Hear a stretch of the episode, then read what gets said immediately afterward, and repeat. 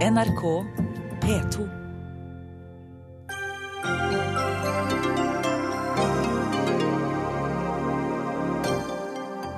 Listhaug og Brottkorp må offentliggjøre deler av kundelistene, mener Sivilombudsmannen, og forteller hvorfor i Dagsnytt 18.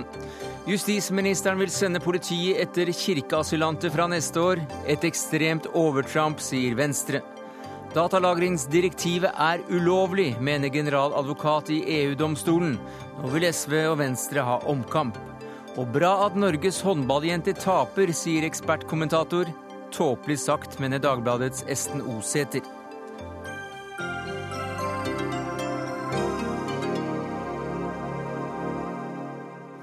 Ja, Det er noen av sakene i Dagsnytt 18 denne torsdagen, der vi også ser på EUs vei mot en bankunion og tar debatten om hvor mye vi kan stole på sagaene. Men først til ettermiddagens melding om at landbruksminister Sylvi Listhaug og statssekretær ved statsministerens kontor Julie Bråttkorp må offentliggjøre navn på alle offentlige kunder de hadde som ansatte i, i kommunikasjonsbransjen. Det mener iallfall sivilombudsmannene i Norge, og det er vel deg det, Arne Fliflet. Hva er begrunnelsen? Det er det.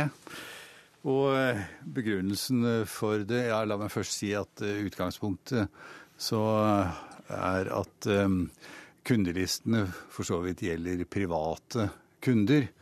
Har ikke jeg funnet grunnlag for å kritisere blir holdt unna. Altså at det ikke gis innsyn i dem. Så det er når det gjelder de offentlige kundene at jeg eh, setter et spørsmålstegn ved eh, den, det som er gjort til nå, og, og at, eller ber om at Statsministerens kontor og Landbruksdepartementet eh, vurderer den siden av saken på nytt.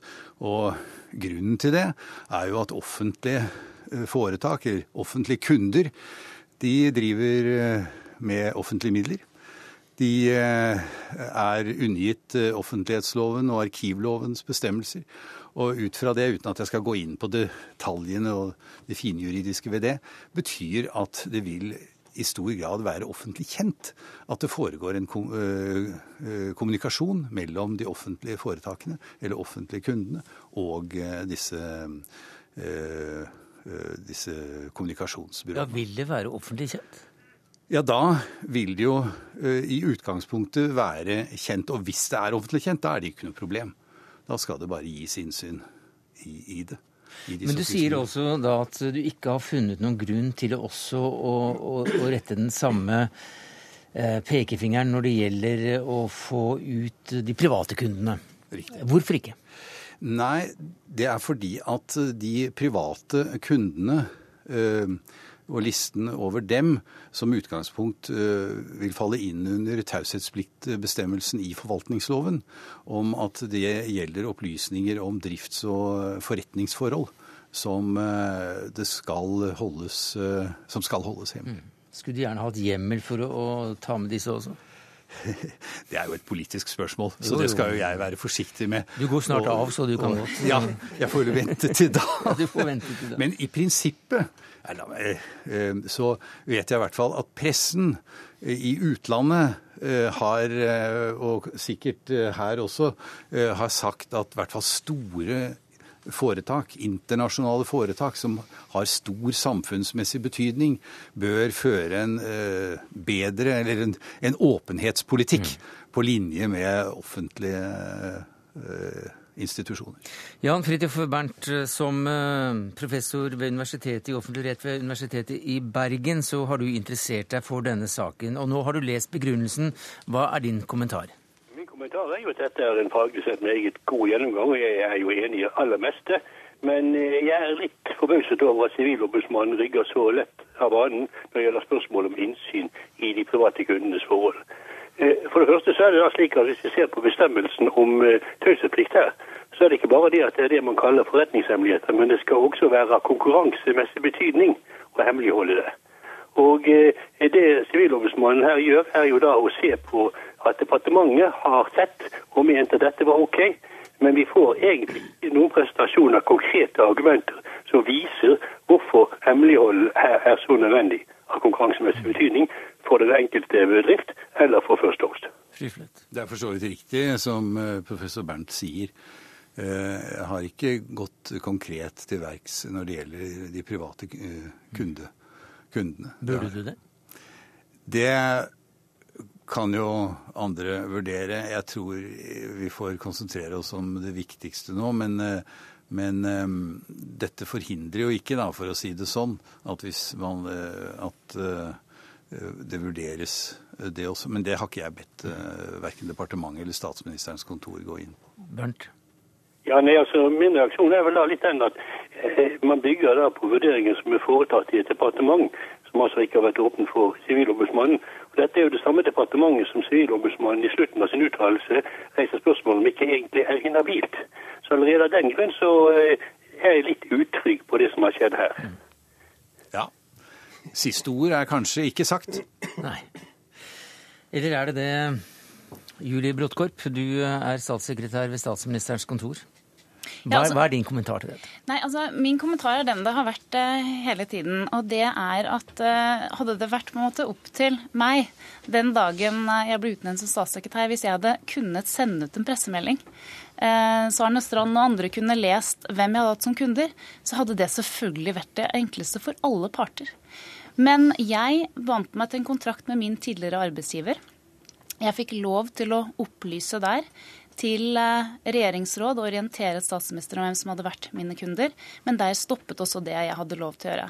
Men nå sier også Sivilombudsmannen at du må komme med den delen av kundelistene som da eventuelt eh, har med offentlige kunder å gjøre. Ja, men det er jo veldig viktig også den saken at jeg har jo ikke noe med behandlingen av min egen sak å gjøre. Eh, Det ville jo vært oppsiktsvekkende. Så jeg er jo ikke inne i den behandlingen. Det jeg eh, har gjort, er å opplyse om de kundene jeg hadde. Og så er det opp til fagfolk og juristene å finne ut hva som må Så du har gjøres ingen med det. mening om dette? Nei, altså, jeg, jeg har en mening om at hadde det vært mulig for meg å dag én sende ut en pressemelding om hvem som var mine kunder, uten at det hadde eh, kunnet få eh, som følge at man havnet i enten Ja. jeg eller andre havnet i en rettssak, så hadde jeg gjort det. Det er min mening om det. Det har vi forstått, Eh, men hva sier du til den avgjørelsen som sådan? Tar du den til etterretning? Altså, eh, Altså, det er jo ikke- vel har Arne Fliflet vært eh, ombudsmann for oss i eh, 30-40 år, men, men hans ord er jo, ikke, er jo ikke absolutt norsk lov. Da. Man kan jo ta dette som et råd som man ikke tar hensyn til. Ja, men som også Sivilombudsmannen er opptatt av, og som jeg har vært opptatt av hele tiden. Jeg kan ikke ha med min egen saksbehandling å gjøre. Jeg har hele tiden vært opptatt av ryddighet her, og det har jeg tenkt å fortsette med. Arne Strand, du er sjefredaktør i Dag Dagsavisen, og som sådan så var du først ute med å klage inn dette hemmeligholdet for Sivilombudsmannen. Hva sier du i dag da avgjørelsen har falt? Jeg sier at vi har oppnådd en halv seier. Det er slått en stor sprekk i den hemmelighetsmuren som regjeringen har eh, forsøkt å bygge rundt seg selv i denne saken. Utgangspunktet for oss var jo landbruksministerens kundeliste fra First House. Nå sier Sivilombudsmannen helt klart og helt tydelig at alle offentlige etater som måtte stå på hennes liste, de må offentliggjøres, og de er viktige i seg selv. Så sier han at når det gjelder private kunder, så, så er ikke det nødvendig. Men jeg tar eh, det som ligger i det som et tegn på at Stortinget vil i neste omgang gjøre en lovendring slik at også det blir kjent for folk. Hvilke kunder en statsråd må ha hatt hvis han eller hun har hatt en jobb for First House eller et annet kommunikasjonsbyrå. Hva forventer du at regjeringen gjør med denne At saken? de, nå, selvfølgelig, at de selvfølgelig gjør det som eh, Sivilombudsmannen er sier. Jo, jeg har, tror ikke Det kan, kan jo Sivilombudsmannen korrigere, men jeg, kan ikke, jeg tror ikke det har skjedd noen gang jeg, at eh, ikke regjeringen følger, eh, følger de råd som kommer fra Sivilombudsmannen. Sivilombudsmannen er altså oppnevnt av Stortinget.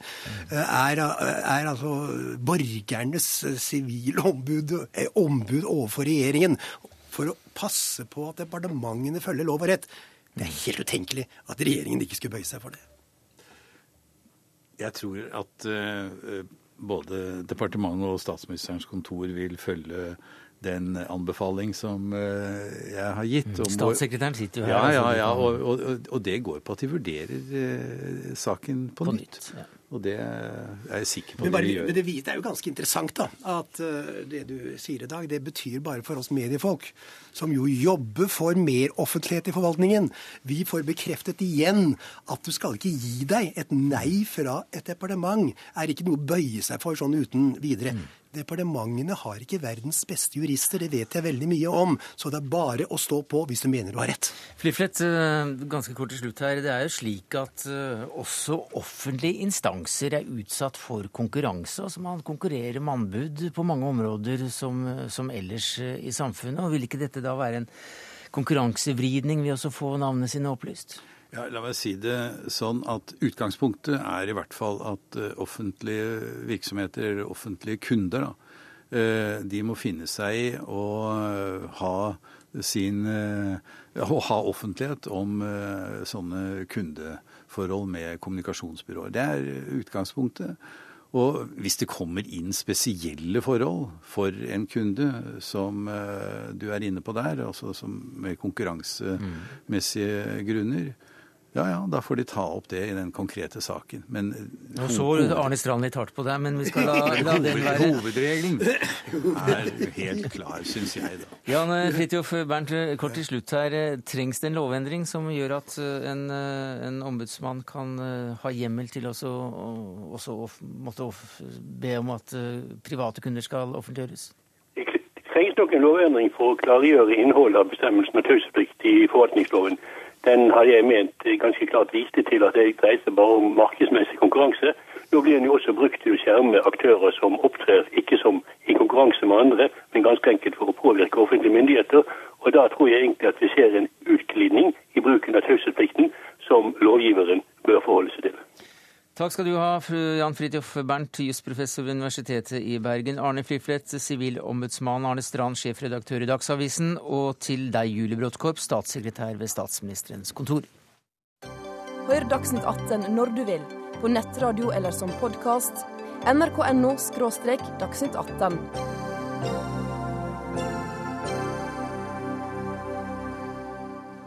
Justisminister Anders Anundsen vil altså ha slutt på at asylsøkere søker tilflukt i kirker. Nå instruerer han politidirektøren om å få avsluttet ordningen med kirkeasyl innen neste jul. Og Himan, Himan, Himanshu, unnskyld at jeg er litt uh, uvant med akkurat uh, det språket der, Gulati, statssekretær i Justisdepartementet. Hvordan skal dette foregå? Ja, jeg må jo først og alt si at Vi har stor respekt for eh, kirkerommet og kirkens tradisjoner. Men det er jo sånn at asylsøkere som får avslag, har ikke lov å være i Norge. De har en plikt til å forlate Norge. Og Vi ber derfor politiet gå i dialog med Kirken for å finne gode, en god fellesløsning på det som åpenbart er en utfordring, nemlig at enkelte forsøker å bruke Kirken som oppholdssted for å, for å, når de ikke har en rett til å være i Norge. Men hva blir da forskjellen fra ordningen i dag? I dag er det sånn at eh, eh, de som er At politiet går ikke inn og henter folk eh, ut fra kirkens eh, lokaler. eh, men, men, men, men disse personene har ikke rett til å være i Norge, uavhengig av om de er i en kirke eller utenfor en kirke. Og dette ønsker vi å følge opp. De har en plikt til å forlate eh, landet. Og i og med at de da er inne i kirkens lokaler, så ønsker vi å gå i dialog med kirken for å finne ut hvordan vi kan følge opp de vedtakene som er mot disse personene. Helga Wifiglien, du er preses i eh, bispemøtet i Den norske kirke. Vil eh, kirken gjøre porten vid og døren høy, slik at politimenn kan komme inn og hente ut kirkeasylanter? Det jeg vil si til det, det er at eh, vi tar det som en positiv sak at politikere ønsker å gå i dialog med Kirken i forhold til denne viktige saken. Vi ser nok ikke for oss at vi skal gå i dialog med politiet. For dette er jo en avgjørelse som justisministeren eh, løfter frem eh, i dag. Vi vil eh, sørge for at vi kommer i en god dialog med myndighetene omkring dette, som utfordrer oss. Noen har jo det, den oppfatningen at kirkeasyl er en institusjon eller et institutt som Kirken skulle ha medvirket til å opprette. Slik er det jo ikke. Kirkeasyl oppstår i det øyeblikket et menneske blir værende i kirken, ikke vil forlate kirken fordi situasjonen er fortvilt og en ikke ser noen annen utvei. Men vi hører også da at regjeringen oppfordrer politiet til å gå i dialog med kirken. Ja, vi forventer at eh, politiske myndigheter så vil gå i dialog med kirken. Ikke politiet. Fordi at vi, eh, Vi kan ikke hindre at politiet går inn i kirken, og vi har jo ikke noen midler å stille opp i forhold til det. Men i ytterste instans så blir det altså snakk om å hente asylanter ut av selve kirkerommet. Hvordan forholder du deg til det? Det håper jeg at vi ikke vil oppleve. Håper. Jeg håper og forventer at vi ikke opplever det.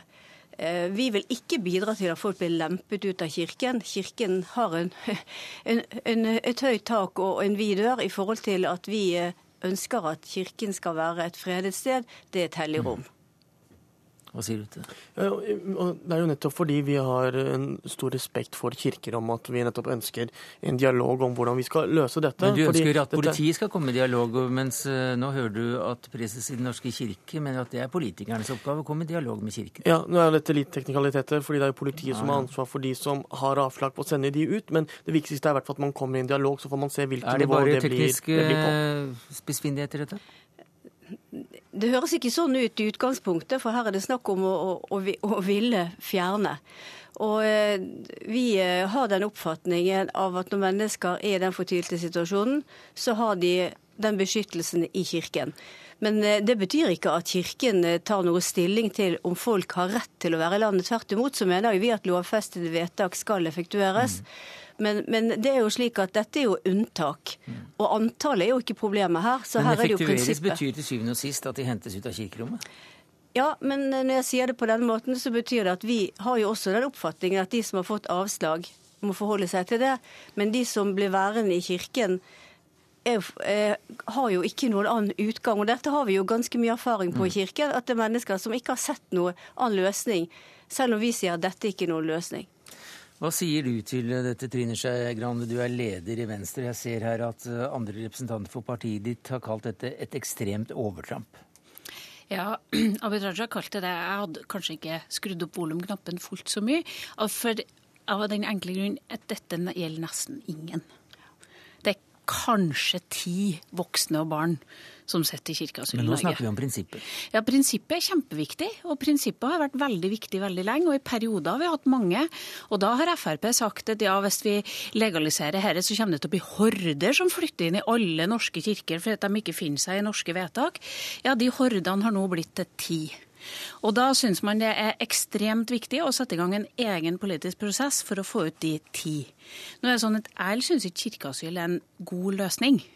Jeg synes det også jeg har lyst til å skryte av justisministeren for en faktisk eh, gjeninnfører juleamnestiet, eh, som han også gjør i dette brevet. Det er veldig raust av ham, for det har ikke vært øverst på ønskelista til Frp lenge. Så det er bra at juleamnestiet blir fullført. Og så eh, må jeg si at jeg også forutsetter at ingen uniformerte politimenn og kvinner går inn og drar disse ti ut av disse kirkene. Det er faktisk et bilde jeg ikke vil ha. For en liten stund siden så hadde vi avsløringer f.eks. fra andre verdenskrig. Og det er klart at Når det røsker mest i oss, er når menneskerettighetsbruddene skjer knytta til folk sine gudshus. Eh, og Det er bilder som vi ikke liker å ha, og jeg forutsetter at vi har en justisminister i Norge som ikke lager sånne bilder for oss. Gulati, hva sier du til det? Kan du garantere at vi ikke får sett eh, politi i kirken som henter ut Nasseland? asylant? Derfor ønsker vi jo først og fremst å Men gå kan i du dialog garantere det? Er det, er det slik? Jeg forstår, Vi har hørt det at dere Ja. først og Ja, fremst men jeg- ønsker en dialog. Ja, men jeg, vil ikke forskuttere hva som kom ut av den uh, dialogen. Men, Nei, men, men, men, men, grunnen for Hvis den eh, dialogen strander, som da du mener skal være mellom politiet og kirken, men som kirken mener at bør være mellom politikere og kirken, hvis den strander i sin ytterste konsekvens Og nå snakker vi jo om prinsipper her. Hva skjer da? eh, Det vil vi måtte se på, men det er jo allerede Det- ja, sånn i dag at men, men, politiet men dere må men, da eh, kunne ja, forskuttere en handling Ja. hvis det settes på spissen? men det er jo sånn allerede i dag at politiet kan gå inn i kirker og hente ut folk dersom det er snakk om folk som er mistenkt for kriminelle handlinger, eller om man selv får ønske om bistand fra ulike menigheter. Så det er ikke uvant at politiet går inn i kirke, eh, i kirke men, men det er noe man ideelt Mm. ikke ønsker. Og derfor ønsker vi da først og fremst den dialogen. Men jeg vil si hvorfor dette er en viktig sak for oss. Det er fordi at eh, når noen prøver å motsette seg avslag og utreiseplikt ved å oppholde seg i kirker, så mener vi at det undergraver Mm. asylinstituttet. For vi har jo gode regler, god rettssikkerhet, hvor noen får asyl, andre ikke hvis de ikke oppfyller kravene. Og hvis ikke de som får et nei, reiser ut, så undergraver det systemet for alle de som trenger beskyttelse. Garanterer altså, ikke at, ja, garanterer altså ikke at eh, du ikke får dette bildet Men dette kirkeasylen, hvordan, vi kunne ha satt oss ned og sett på hvordan den har fungert de siste ja, 15 årene. da. Eh, Så har det faktisk vært en viktig ventil der mange av dem som har gått i kirkeasyl, faktisk har fått omgjort vedtakene sine også. Fordi at de har vært feil. De har vært basert på feil ting. Derfor har kirka vært, og de ulike gudshusene faktisk vært en viktig ventil mot, mot feilbehandlinger i det norske rettssystemet. Eh, og grunnen til at Frp har hatt en sånn nag mot kirkeasylen, var da at de trodde at de store hordene skulle gå inn. Det er feil. Det blir færre og færre og færre som bruker det. Og hvorfor man da skal drive en kamp for å få politimenn inn i norske gudshus, det skjønner jeg ikke. Jeg skal innrømme at kirkeasyl ikke handler om mange mennesker i dag, men hvis vi også gir et eh, inntrykk av at eh, man kan trosse vedtakene og eh, avslagene man får fra norske myndigheter ved å være i en kirke, så, så, så er det et uheldig signal å sende. Mm. Det er et signal vi snakker om her, Grande. Ja, Det det også- signalet. Mm. sendte vi for 15 år siden, og vi instituerte dette på en måte med, med litt klarere beskjeder til politiet. Og det har ført til at bare færre og færre bruker det. Byfuglin. Ja, jeg vil bekrefte det. Både det som sies at noen har faktisk fått omgjort sine vedtak, men fra kirkens side så har vi fra første dag, eh, etter at mennesker har blitt værende i kirken, gitt tydelig melding om at dette, dette er ikke noe løsning. Dette er en mulighet til å områ seg. For noen har det faktisk blitt en veldig lang periode, men for ganske mange så har det blitt til at man har kommet til andre løsninger på det. Og ganske mange har gått ut av kirkeasyl og tatt, eh, og tatt den eh, sjansen på det.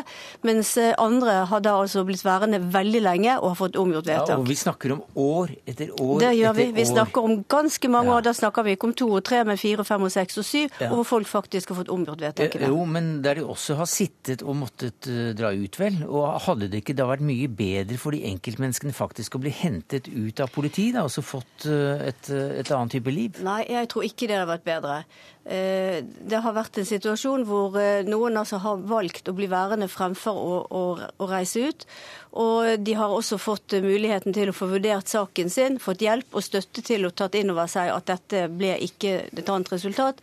Men eh, eh, Kirken har gjort mye for å få folk til å realitetsorientere seg i forhold til de vedtakene som faktisk er fattet. Nå skal altså uh, Anundsen uh, snakke med politidirektøren, uh, instruere han i å få avsluttet ordningen med kirkeasyl innen neste jul. Hvordan vil det skje? Vi har sagt at det må jo være et mål at folk som ikke har opphold, også bruker, eh, ikke bruker kirken som et eh, oppholdssted. men, du, unnskyld at jeg avbryter, men det er jo et mål for alle som sitter her. Alle, alle mener jo det. Men, Men- men- også her er det snakk om nytt, eh, en ny ordning, en ny forordning, som da skal få slutt på kirkeasyl innen neste jul. Hvordan skal det skje? Men selv om det har vært et mål, så er det jo nettopp ingenting som, som har skjedd i den grad. Og det er jo fordi vi ber da politiet snakke med de som eier de lokalene, som jo er kirken, som et første steg. For det er jo den naturlige å prate med. Og så vil jeg bare spytte inn én ting til. Mm. Ja, det må være den diskusjonen. Ja, for dette handler jo også om rettferdighet overfor de som faktisk forholder seg til de vedtakene de får. Eh, Og hvis de som, Da må alle forholde seg til de vedtakene. Takk skal du ha, Hemnashi Gulati, statssekretær i Justisdepartementet, Trine Skei Grande, leder i Venstre, og Helga Byfuglin, preses i bispemøtet i Den norske kirke.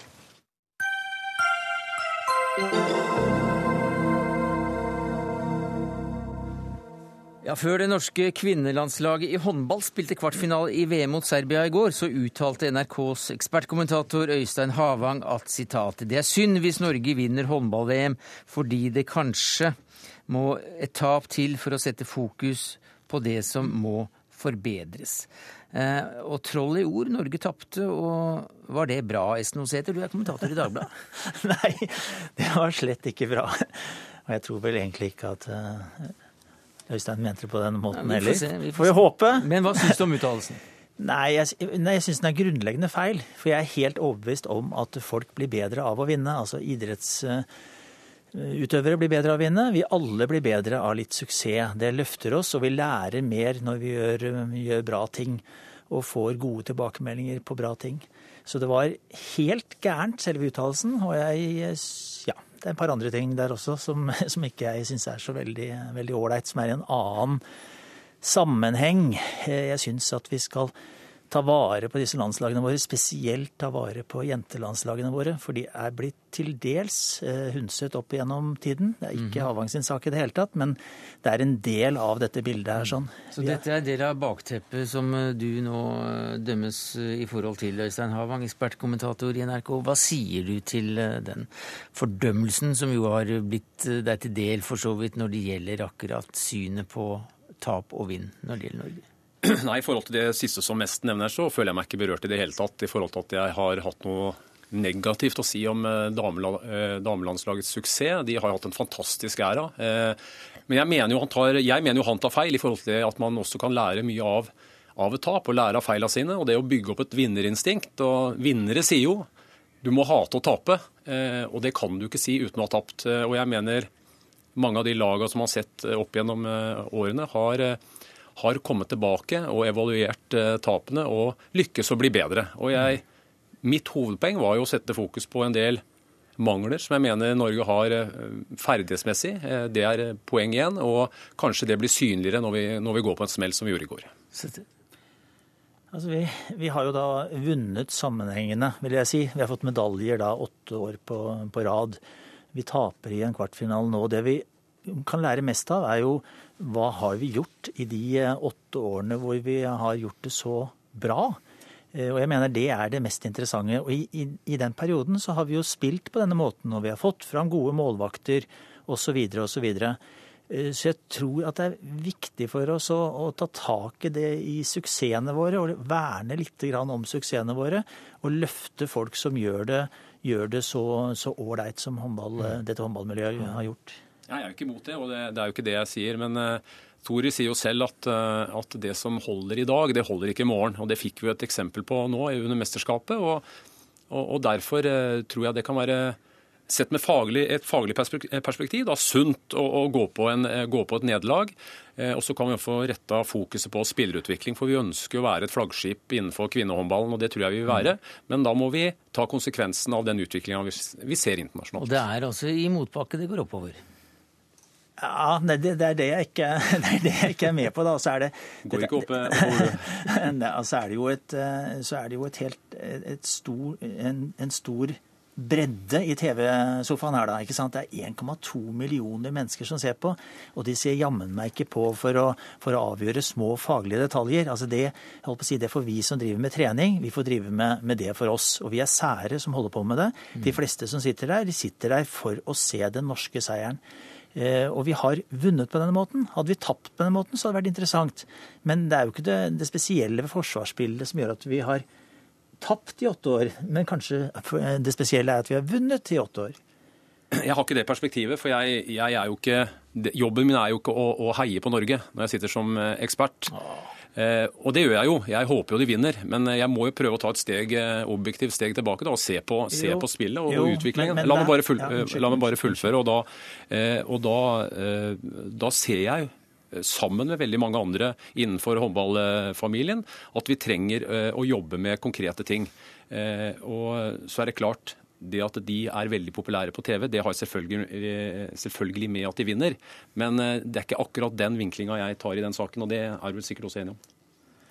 Eh, ja, jeg er jo ikke enig, enig i det, da. For jeg, jeg, jeg, syns jo det er igjen veldig viktig at vi løfter fram det som er norske suksesser. Dette har vært den største norske suksessen i lagidrett noensinne.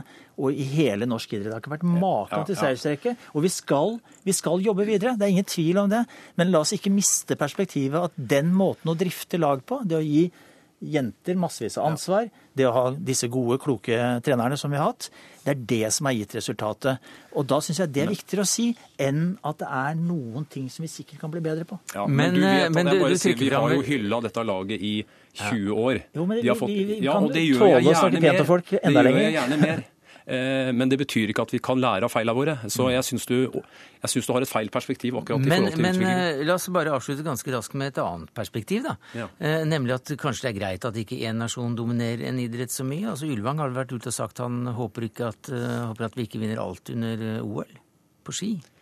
Fordi at det, Det er, litt, det, er den- det er litt av den samme greia. Det er selvfølgelig eh, kan være, kan være sunt, og det er flott at nye nasjoner kommer til, og det ønsker vi velkommen.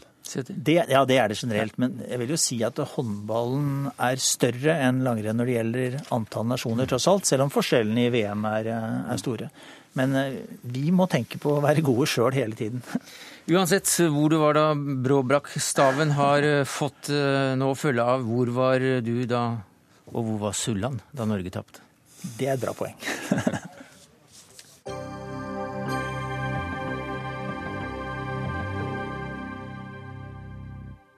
Datalagringsdirektivet.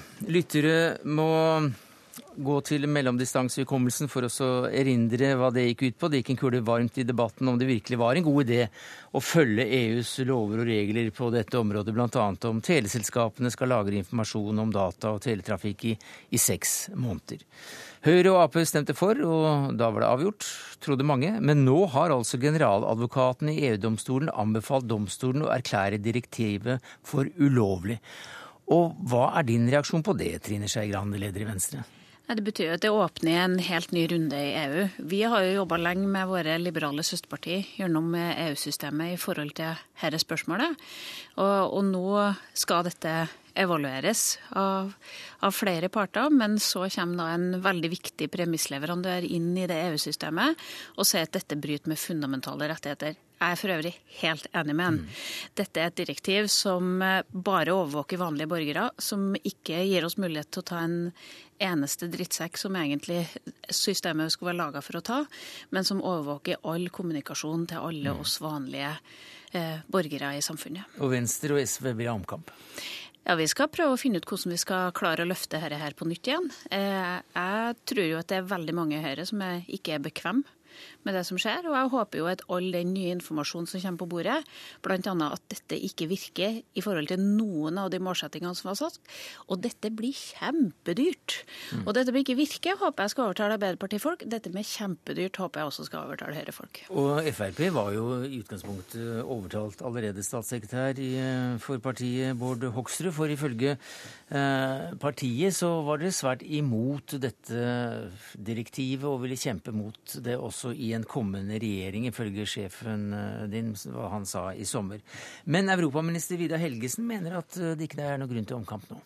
Ja, nei, altså det er jo sånn at Datalagringsdirektivet det er vedtatt i Stortinget. Eh, Fremskrittspartiet er ikke glad i datalagringsdirektivet. Eh, vi har kjempa imot det. Eh, men det er altså sånn at det er et stort flertall, og det er faktisk et større flertall på Stortinget nå enn det det var den gangen vi vedtok datalagringsdirektivet. Men det som jo er veldig bra, er jo at personvern er noe som vi er veldig opptatt av. Vi har en samferdselsminister som er veldig opptatt av det, og vi har politisk ledelse i Samferdselsdepartementet som brenner for personvern og kommer til å være veldig opptatt av det. Og det la også regjeringa opp til. Og jeg har bare lyst til å si litt for å Altså, eh, Trine Skei Grande har mange gode argumenter i forhold til det generaladvokaten i, i, i EU sier. Men eh, Han kritiserer eh, en del ting, men er, de har helt andre eh, ting i forhold til sin implementering enn det man har i Norge. Altså, det er mye kortere i Norge, og det er mange forhold eh, som er helt annerledes i Norge enn det det er i EU. Så vi får jo se når nå det endelige, endelige vedtaket kommer i EU litt på nyåret. Ja, Det er vedtatt i Stortinget, men det er utsatt mange ganger av de rød-grønne.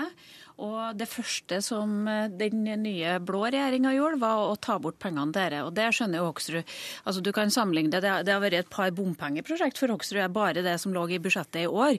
Eller det er ganske mange nye politimenn for Høyre-folk og Frp-ere som er opptatt av det. Og jeg vil heller ha mange flere politimenn som forfølger dem som skal forfølges, enn å bruke hundrevis av millioner, ja kanskje milliarder, på å overvåke alle norske borgere. Fordi at vi kanskje muligens skal kunne bruke den informasjonen på annet vis. Og Vi ser jo nå at vi har hatt store kriminelle handlinger i Norge. Og det har ikke tatt mange timene for vårt politi å innhente den informasjonen man trenger, uten å ha et datalagringsdirektiv. Men nå er det også slik at EU-domstolen muligens kommer til å si at dette er ulovlig. Og er det ikke da på tide for en Frp-statssekretær og statsråd og, og, si at OK, da får jo vi følge etter og ta dette opp til ny vurdering nå? Nå må vi jo se hva faktisk domstolen kommer til å fatte ned, dette ned på. Eh, og det er som sagt det er kriteriene som man har vært ute og vært ganske kritisk til. Og de har som sagt lengre, mye lengre lagringstid i EU enn det man har lagt opp til i Norge. I tillegg har man i Norge også lagt inn en del kriterier som går på personvern, eh, som nettopp ble pressa igjennom av både Fremskrittspartiet og Venstre og de andre partiene som var veldig kritiske til datalagringsdirektivet. Ja, det, det er to år det er snakk om at de kan lagres i EU, mens det er seks måneder i Norge. Ja, det er, og det er en vesentlig forskjell. Jo, men altså hvis EU allikevel skrinlegger datalagringsdirektivet, skal da Norge fortsette å, å, forholde seg til det? Da må man jo se, og det er derfor jeg sier at det, vi kan ikke si fra regjeringas side nå hva som kommer til å skje da. Nå må man se om det faktisk kommer til å skje. Jeg, eh, jeg opplever jo at EU har vært veldig tydelig på at dette er et direktiv de ønsker å ha. Eh, og så er vi i Fremskrittspartiet Vi skulle veldig gjerne sett at ikke dette direktivet var der. Eh, men jeg håper også at Trine Skei Grande ser at det faktisk er veldig bra eh, å ha folk som både er opptatt av personvernet, eh, som er kritisk eh, og er veldig opptatt av at hvis vi skal gjøre dette, så skal vi gjøre det på en skikkelig ordentlig måte. Og vi har altså FRA-loven, svenske overvåkningsloven, som gir svenske myndigheter adgang til å kunne overvåke norske borgere og faktisk se på innhold. Det kan man ikke med, med datalagringsdirektivet. Så det er mye mer alvorlig inngrepen. Og der har denne regjeringa tatt det på alvor. Tatt det opp både fra statsministeren, fra samferdselsministeren med mm. svenske myndigheter, nettopp fordi vi er veldig opptatt av personvernet. Jeg forventer egentlig at Høyre-Frp-regjeringa skal være bedre på personvern, men akkurat det er ikke noe kunst å være bedre enn de rød-grønne. For det var faktisk ikke en eneste gang at jeg opplevde at personvern trumfa et, et eneste annet hensyn under den forrige regjeringa. Så det må de klare bedre. Men det som er utfordringa her, er at vi ser at det en stor debatt i en rekke europeiske land. Tyskland har det vært det, Nederland har det vært det. Nå har Obama på sitt bord hvilke regler man egentlig skal ha i forfølgelsen av terrorisme og forfølgelsen av kriminalitet, gjennom diskusjonen som har kommet opp etter Snowden sine avsløringer. Vi har sett at i Sverige har vært store debatter. Jeg tror også at dette kommer til Norge. Jeg tror at det er et undertrykk her blant folk flest, som vil faktisk ha styring over sin kommunikasjon. Og, og da må også, det gjøres noe. Og kanskje også i regjeringen, for eh, Skei Grande har vi rett i at regjeringen har gitt langt mindre penger til innføring av direktivet i statsbudsjettet enn det som var beregnet. Ca. halvparten, er det det? Ja, det ligger mye mindre penger inne ja, på budsjettet nå. Hvorfor har de gjort det, da? Hvis dere har knalltro på at dette er lurt? Ja, men, nå er, nå er, altså, det er sånn at Regjeringa må følge opp de vedtak som stortingsflertallet fatter. men likevel så halverer dere pengene til innføringen? Jo, men vi har en mindretallsregjering, og det er mange komplikasjoner med innføringa. og Det er jo derfor også den har blitt skyvet på flere ganger. Fordi det er en del forhold som man må, må passe på å ivareta på en god måte. Eh, og Det er jo nettopp det regjeringa gjør. Vi er opptatt av personvern og skal ivareta det på en veldig god måte. Og vi er veldig opptatt av å følge opp på samme måte som det har gjort overfor svenske myndigheter, noe som er mye mer inngripen. Og så skulle jeg veldig gjerne sett det, Trine at det hadde vært veldig bra hvis, hvis, valget hadde visst at det var et stort flertall for de partiene som var veldig skeptiske og mot datalagringsdirektivet. Men vi endte altså opp med et storting hvor det er enda flere som er positive mm. enn en det det var eh, når, mm. når, saken var til behandling. Og SV, Venstre og Frp sammen i regjering, det hadde også vært litt av en fest. ja, det ville ikke vært nok. Det er bare å se på antall mandater i Stortinget. Men Trine, eh, Trine Skei Grande, det går muligens også mot at EU-domstolen sier at dette direktivet faktisk ikke er helt lovlig. Er det da noen sak for den norske regjering? Nei, jeg mener jo at, at, Men det er mange ting som taler for at denne saken kommer til å komme opp igjen. Fordi at noen av partiene som i dag sitter på Stortinget, må revurdere standpunktene sine. Og jeg tror at det holder på å skje en oppvåkning blant folk på der man har lyst til å ha styring over informasjonen sin. Og jeg tror at det over tid, det presset over tid vil kunne presse fram og stoppe dette. Og grunnen til at det blir dyrt, og grunnen til at det nesten er umulig å gjennomføre, er jo at det er et utrolig dårlig kompromiss mellom Høyre og Arbeiderpartiet, der man har laga mm. tekniske løsninger som ikke er gjennomførbar. Og ingen av disse to partiene er til stede, seg. men det var altså lederen i Venstre, Trine Skei Grande, takk skal du ha, og statssekretæren eh, i Samferdselsdepartementet, Vård Hoksrud fra Frp.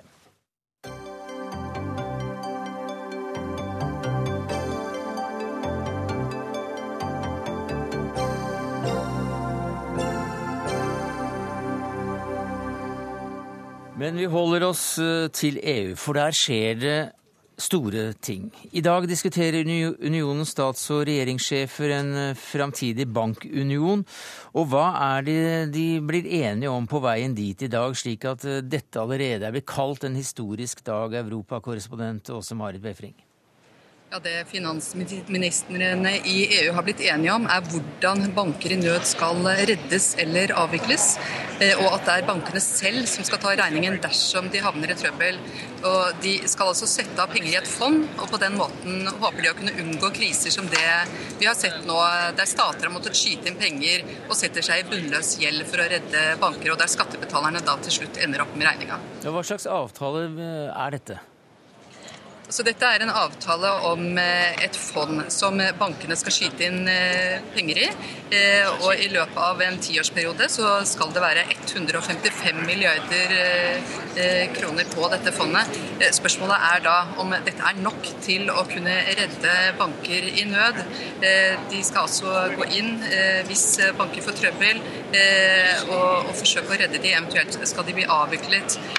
Og noen sier at dette her vil kanskje være nok til å redde én eller to banker, og så er det slutt. Så spørsmålet er om eh, dette er nok til å, å unngå en situasjon som vi har hatt nå. Men dette blir uansett sett på som et mulig steg på veien mot en bankunion. Hva sier de om det i dag? Jo, dette blir sett eh, på som et viktig steg. Et eh, et fremskritt i denne debatten som har pågått over lang tid. Og stats- og regjeringssjefene her i dag kommer også mest sannsynlig til å slutte seg til denne avtalen. Eh, men så skal den videre til parlamentet. Der har eh, president Martin Schulz allerede uttalt at han mener at eh, denne avtalen som ligger her nå, den er langt fra det parlamentet hadde håpet på. Og han varsler veldig lange forhandlinger. Takk skal du ha, europakorrespondent Åse Marit Befring. Harald Magnus Andreassen, sjeføkonom i Svebank First Securities. Eh, en bankunion, hva er det? Ja, Det kan være mye rart. I Europa så er det en pakke bestående av flere ting. Det er at vi skal ha et felles overvåkningsorgan for bankene. Et felles banktilsyn. Det har tidligere vært i hvert enkelt land. Eh, og det har nok vært sånn at eh, tilsynene har vært litt for mye i lommen på bankene og ikke ført god nok kontroll. Nå overføres det til Den europeiske sentralbanken, som har lagd nå egne regler for banker som får problemer. Og det er for det første at de som har lånt penger til bankene, selv må ta noe av kostnadene når banken går over ende. Først skal selvfølgelig eierne tape sitt, men også de som har kjøpt obligasjoner som finansierer bankene, og det har alle banker, de må ta etter hvert ganske store tap når banken går over ende. Og Det betyr at det blir mindre behov for å tilføre kapital utenfra. Mens i dag så er det I dag, nei, eh, Man har gjort noe delvis. Noen, eh, litt i Irland, litt i Danmark, så har obligasjonseiere tatt tap. Eh, det blir helt annen risiko for de som låner penger til bankene heretter. Og så er det det som vi snakker om nå, det er hva hvis disse, disse nedskrivningene Å ta pengene da, for obligasjonseierne og gjøre dem til eiere i stedet for. Hvis ikke det er nok, hva skal man da hente penger fra? Og nå etablerer man et fond over en tiårsperiode som er på rundt 400-500 milliarder norske kroner. Eh, det er ikke nok til å dekke store konkurser.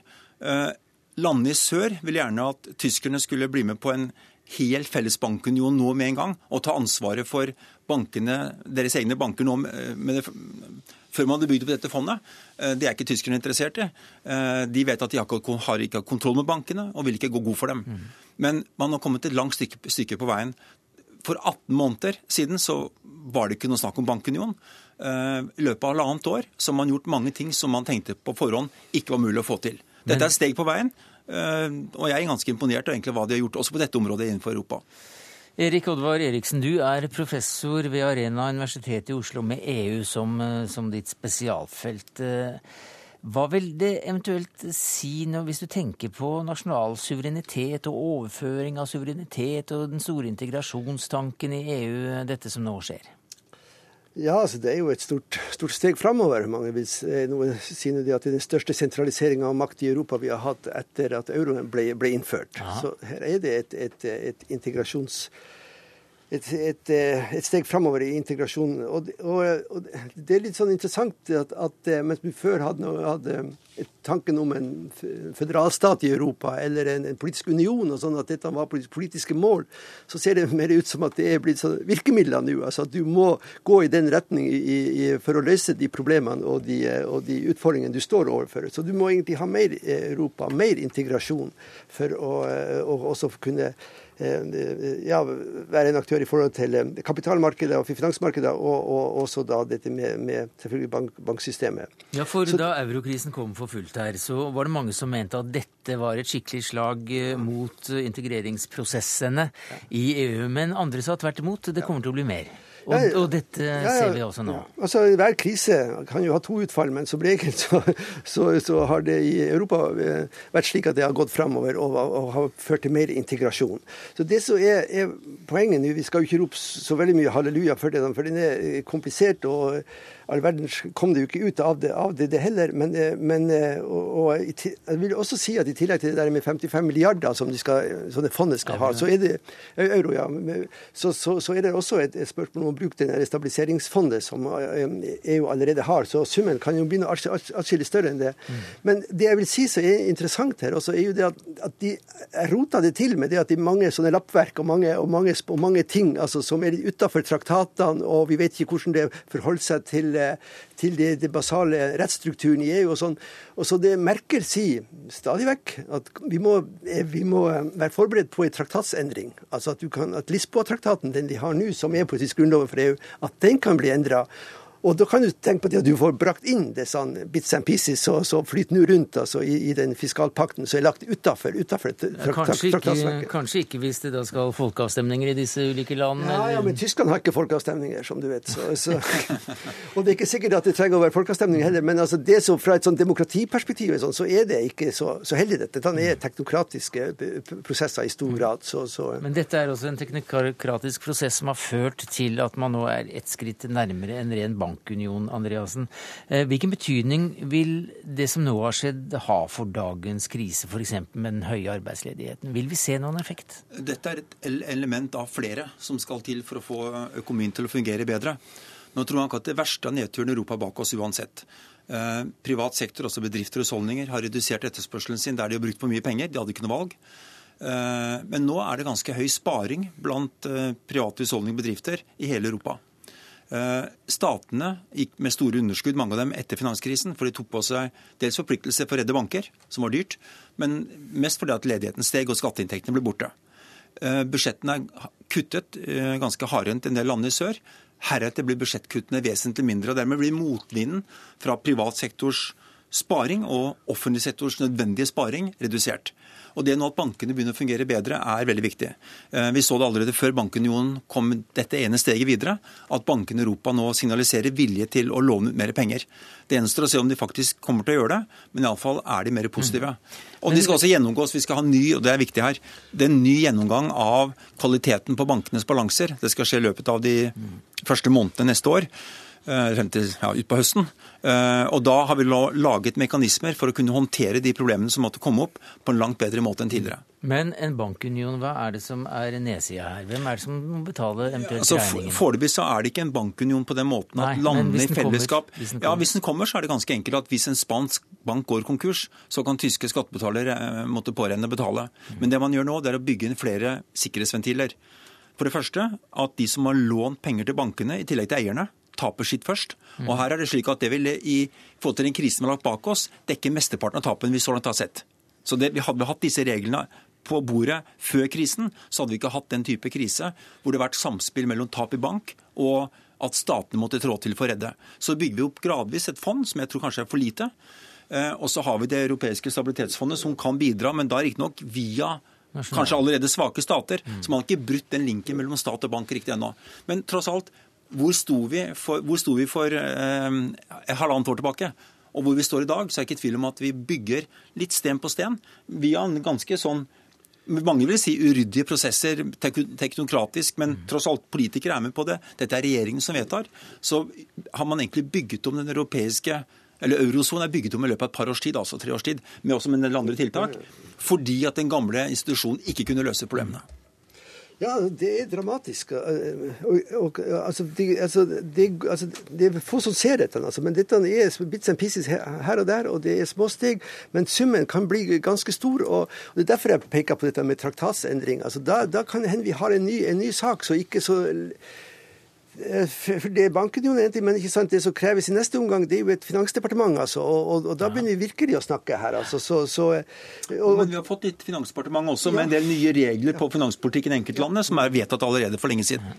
Mye mer presist enn de gamle kravene. Et felles handlekraftig finansdepartement? Ja. Det vil si, Man setter opp budsjettregler som er smartere enn de gamle budsjettreglene. Kanskje ikke smarte nok, men de har dem. Men de har ikke vedtatt en union som innebærer overføring av store penger fra et land til et annet. Det er ikke, union, det er ikke Europa moden for i dag. Men så er det Norge, da. Har dette noen konsekvenser for oss? Altså, Norge er utenfor, altså, men de vil så, vil så, gjerne være med. Altså, så De står jo og, og banker på her og, og vil, og vil og vil ha en, eh, ha en, fot med og være med i disse byråene som må, som må opprettes. Men der kommer man opp i konstitusjonelle problemer og sånn. Disse andre, andre delen av dette, Et felles banktilsyn er en ting. Det andre er som en del av dette er jo også den der, eh, det bankinnskuddsgarantien, det direktivet som er kommet der. Så der ser du hvordan Norge er, er berørt det er nok, det. Er nok problemer i den saken ja, ja. til å fylle mange programmer, heldigvis. Eh, takk skal du ha, Erik Oddvar Eriksen, professor ved Arena Universitetet i Oslo, og Harald Magnus Andreassen, sjeføkonom i Swedbank First Securities.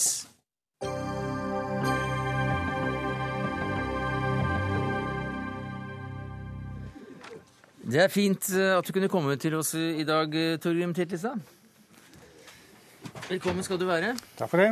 Du er professor ved Institutt for kultur- og språkvitenskap ved Universitetet i Stavanger, og har i dette året landet med din, eh, ditt store bokprosjekt om sagakongene. De siste to utgavene kom med Håkon Jarl og Olav den hellige, var det vel?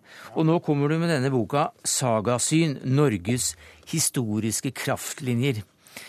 Eh, og Der tar du opp et tema som det er selvfølgelig altfor lenge siden vi har snakket om i Dagsnytt 18, nemlig troverdigheten til sagaene, bl.a. I hvor stor grad kan vi stole på disse skriftene? Og det er spørsmålet i hvor stor grad kan vi stole på disse skriftene? Langt større grad enn vanligvis antatt. Jaha. Og med det mener jeg i grunnen det altså Du må ha et stort lerret å se det kort, det at eh, Sagaene ble til i grunnen innenfor rammen av muntlighetens kultur. Mm. Og så kommer skriftlighetens kultur, og sagaene i grunnen blir bedømt på skriftlighetens kulturs premisser. Og da mener jeg vi må ha et eh, nybrottsarbeid i vår tid og gå inn i sagaene på nytt ut ifra det vi vet om hva en muntlig kultur betyr for å ta vare på historiekunnskap.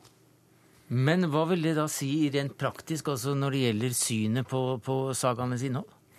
Ja, Det betyr at eh, det vendepunktet som kom i begynnelsen av 1900-tallet med å være så ufattelig kritiske sagaene at det var nærmest å se på som romaner, det vil si at i dag er det et foreldresyn. Men naturligvis den historiske kjeldekritikken som kom da, den er veldig viktig. Og den er òg veldig viktig for meg.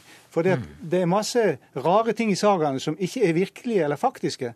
Og det var jo det som var programmet til våre store historikere på slutten av 1800-tallet, nemlig å rense sagaene for smuss altså for eh, feilaktige ting. Men så kommer plutselig denne svenske professor Weibull og sier nei, nei, glem det, det er bare romaner. Mm.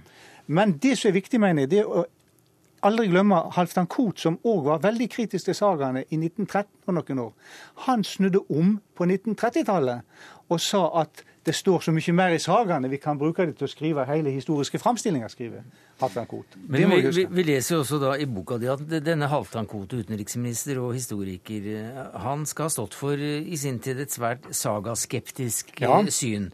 Uh, og, og, hva har det betydd? Uh, Halvdan Koht var veldig populær lenge etter krigen, spesielt for den generasjonen som lærte om historie i mellomkrigstida. Og eh, det har nok betydd mye negativt. For det positive som han kom med like før krigen, det, det kom ikke fram. Det blir glemt, ja. Men hva, hva, slags innvirkning har det hatt på både forskning og forståelse av, eh, av eh, denne perioden som vi ofte ja, kaller for vikingtiden? Ja, det betyr det at sagaene på, nei, om forlatelse, at historikerne så å si ga sagaene til litteratene. Mm. Og da ble det på en måte romanforskning. Og jeg mener at dette må vi ta tilbake. Det er min oppfatning. For du, du, mener at uh, sagaen også kan gi uh, gode tips og hint om, uh, om, hvor man både hvor slag sto, og også når. Ja, men sagaen er langt rikere. For altså, du kan si, Sagaene har jo mye filosofi. Og for meg er det forbausende stadig å se den store historiebevissthet som sagaforfatterne har. Visdom, og der ligger naturligvis andre ting inni dette som eh, kan være rent spirituelle trekk. Det, altså, de er barn av det jeg vil kalle en norrøn sivilisasjon. Hans Jakob Orning, du er professor ved Institutt for arkeologi, konservering og historie ved Universitetet i Oslo. Eh, hva synes du om eh, denne troen på, større troen på, på sagaenes ja, troverdighet? På mange måter så er vel uh, vi nokså enige, uh, men vi har nok en viss gradsforskjell også. Uh, jeg tror For det første så vil jeg si at den radikale sagakritikken som, som omtales her, dette at man hadde total skepsis til sagaene, den, den ble, jo aldri, jo, den ble jo aldri implementert. For hadde den blitt det, så hadde vi jo ikke hatt noe middelalderhistorie. Så skal man drive med middelalder, så må man bruke sagaer. Og gudskjelov så har jo historikerne gjort det. Men det har skjedd endringer i hvordan man har gjort det. Og det som kanskje har særpreget de siste 20-30 år, er at man har gått fra å bruke sagaene som kilder til enkeltbegivenheter, konger, slag, så har man gått til å si hva sier sagaene om, eh, om det Torgrim her kaller norrøne sivilisasjon. Altså hva er det den sier om samfunnet? Hva slags samfunn er det man lever i? Eh, hva er Altså, En ser jo hele greia fra konge, kongens synspunkt, men likevel så er det mye man kan lese ut av hvordan samfunnet fungerte. Men hva, hva sier du da til at sagaen også kan brukes til å påvise både steder og, og slag og begivenheter, og ikke minst også et tidsfeste? Det er jo et spørsmål man alltid Altså, det, det er et vanskelig spørsmål. Eh, og problemet med sagaene, det er jo at vi veldig sjelden har kontrollkilder. Eh, det som er, eh, altså Muntlige tradisjoner kan jo være eh, stabile og pålitelige, men de kan også endre seg. Man har jo mange undersøkelser som viser at muntlige, muntlige tradisjoner kan forandre seg på et blunk hvis du får et maktskifte, f.eks. Og Man kan jo lese bare Sverresaga, som skildrer begivenheter som er nær i tid. Så ser man jo at det er masse ting som blir fortegnet. Så spørsmålet er jo i hvilken grad kan man stole på det når man ikke har noe å sammenligne med? Ja, To ting. For det første så kan du jo si det at eh, norsk historieforskning etter andre verdenskrig er òg eksempel på at ting kan forvanskes. Ja, til og med forfalskes. Så det vil alltid forfølge historikerne, den utfordringen. Hva er sant? Eh, det er det ene. Men det andre er jo det at eh, kontrollmuligheter har vi.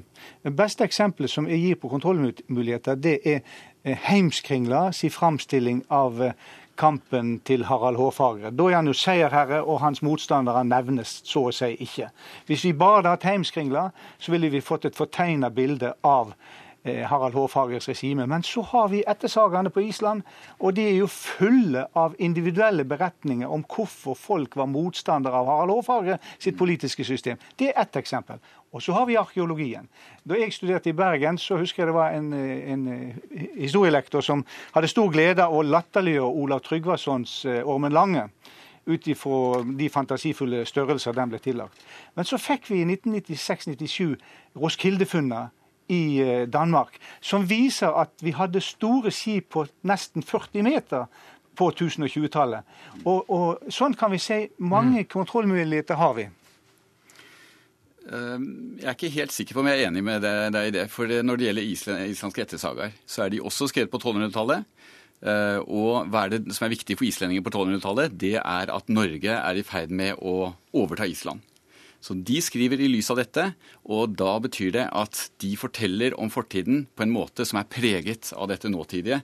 Og det gjør nok bl.a. at de overdriver i veldig stor grad hvor viktig Harald Hårfagre var, og hvor viktig han var for det islandske landholdet. Jeg har ingen tro på at Harald Hårfagre har hatt 10 eh, av den makten eh, kongesagaene forteller at han har hatt.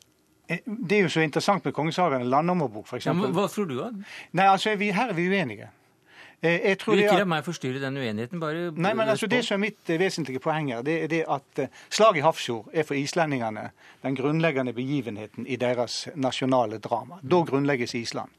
Og de som da, Det er jo ikke, det er ikke alle som flykter til Island fra Norge. En del av disse kan du se som politiske flyktninger. Det er helt klart. Men det som er poenget, de tar vare på dette minnet. Dette, det er Islands genesis. Da fødes Island. Og dette tas vare og innenfor en muntlig kultur, og det er mitt poeng, og jeg er ikke den eneste, at denne typen minner kan leve i mellom 200 og 400 år. De trenger ikke være presise, men essensen i de er sannsynlig at det er riktig. Men det kan også godt være at dette er noe man eh, konstruerte på 1200-tallet. At dette slaget og at denne kongen var så viktig for det islandske landhommet Det er veldig vanskelig å eh, ta stilling til, fordi muntlige tradisjoner har vi ingen kontrollmulighet på. Vi har det Når det gjelder Island, så har man jo mange islendingesagaer som kan handle om samme ting. Da har man de mulighetene. Ja. Men når det gjelder arkeologi f.eks., man har jo ikke funnet det største langhuset man har funnet i Norge i hele Skandinavia i vikingtid, Borg Lo i Lofoten. Man aner jo ikke hvem som har bodd der. Ennå man har masse kilder til høvdinger rundt, så, så på en måte arkeologi er det er vanskelig å finne samsvar mellom arkeologi og sagaer. Det er et stort stort tomrom innimellom. Og dette med muntlig overlevering, det har ikke du så stor tro på at har så mye sannske halt som da Titlestad har? Jeg tror vi må være veldig varsomme med hvordan vi mm. bruker det, og kanskje særlig når det gjelder dette med å forstørre politiske begivenheter. Titlestad, Sagasyn har kommet. Vår tid er omme. Norges historiske kraftlinjer. Eh, kanskje et lite spill der til eh, en annen bok som hadde med kraftlinjer å gjøre. Du nevner jo marxismen også i ja. boka di i sammenheng med Koht. Men mer om det i, i boka. Takk for at dere kom til eh, Dagsnytt. Vi får fortsette diskusjonen. Utenfor. Ja. ja. Greit. Vår tid er omme. Torgrim Titlestad, Hans Jakob Orning, takk for at dere kom. Det hele var servert av Lisbeth Sellreite, som hadde det tekniske ansvaret. Ansvarlig for det hele var Dag Dørum. Jeg heter Sverre Tom Radøy.